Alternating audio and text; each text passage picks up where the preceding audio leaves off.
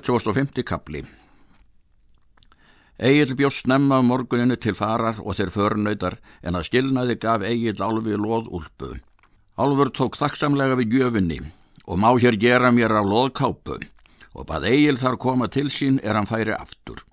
Skildust þeir vinir og fór Egil ferðar sinnar og kom aftan dags til herdar Jarlsins arnviðar og fekk þar allgóðar viðtökur. Var þeim förnöytum skipað næst öndvegismanni og er þeir eigið höfðu þar verið um nótt þá bera þeir upp erendi sín við jarlinn og orðsending konungs úr Nóriði og segja að hann vil hafa skatt þann allan af vermalandi sem að áður hefur eftir staðið síðan arnveður var þar yfir settur. Jarl segir að hann hefði af höndum greitt allan skatt og fengið í hendur sendumönnum konungs.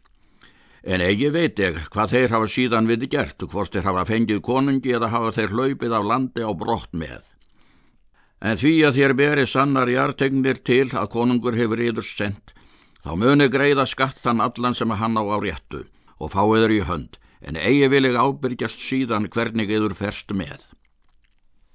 Dveljast er eigil þar um hríð, en áður eigil færi í brott, greiði jarl þeim skattin. Var það sömt í silri og sömt í gráfur. Og er þeir eigil voru búnir þá fóruð þeir aftur og leið. Segir eigil jarli að skilnaði þeirra, Nú munum við færa konungi skatt þennan, er við höfum við tekið, en það skaltu vita, Jarl, að þetta er fjö miklu minna en konungur þykist hér eiga. Og er það þó ekki talið er honum mun þykja að þér eigið að gjalda aftur sendum en hans manngjöldum, þá er menn kalla að þér munuð hafa drepa látið. Jarl segir að það var eigi satt, skildust þeir að þessu. Og er eigil var á brottu þá kallaði Jarl til sín bræðu tvo er hvortveggi héttu Úlfur. Hann mælti svo. Egil sá henn mikli er hér var um hríð, ætla ég að osmunni all óþarfur er hann kemur til konungs.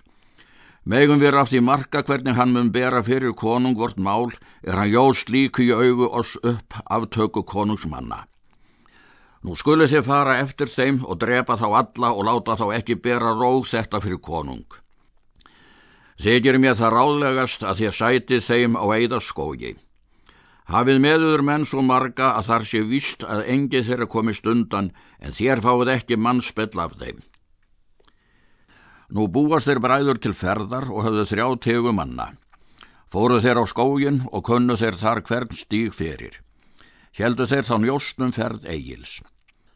Á skóginum voru tvennar leiðir. Var önnur að fara yfir ásnokkur og var þar klif bratt og einstíi yfir að fara, var svo leið skemmri.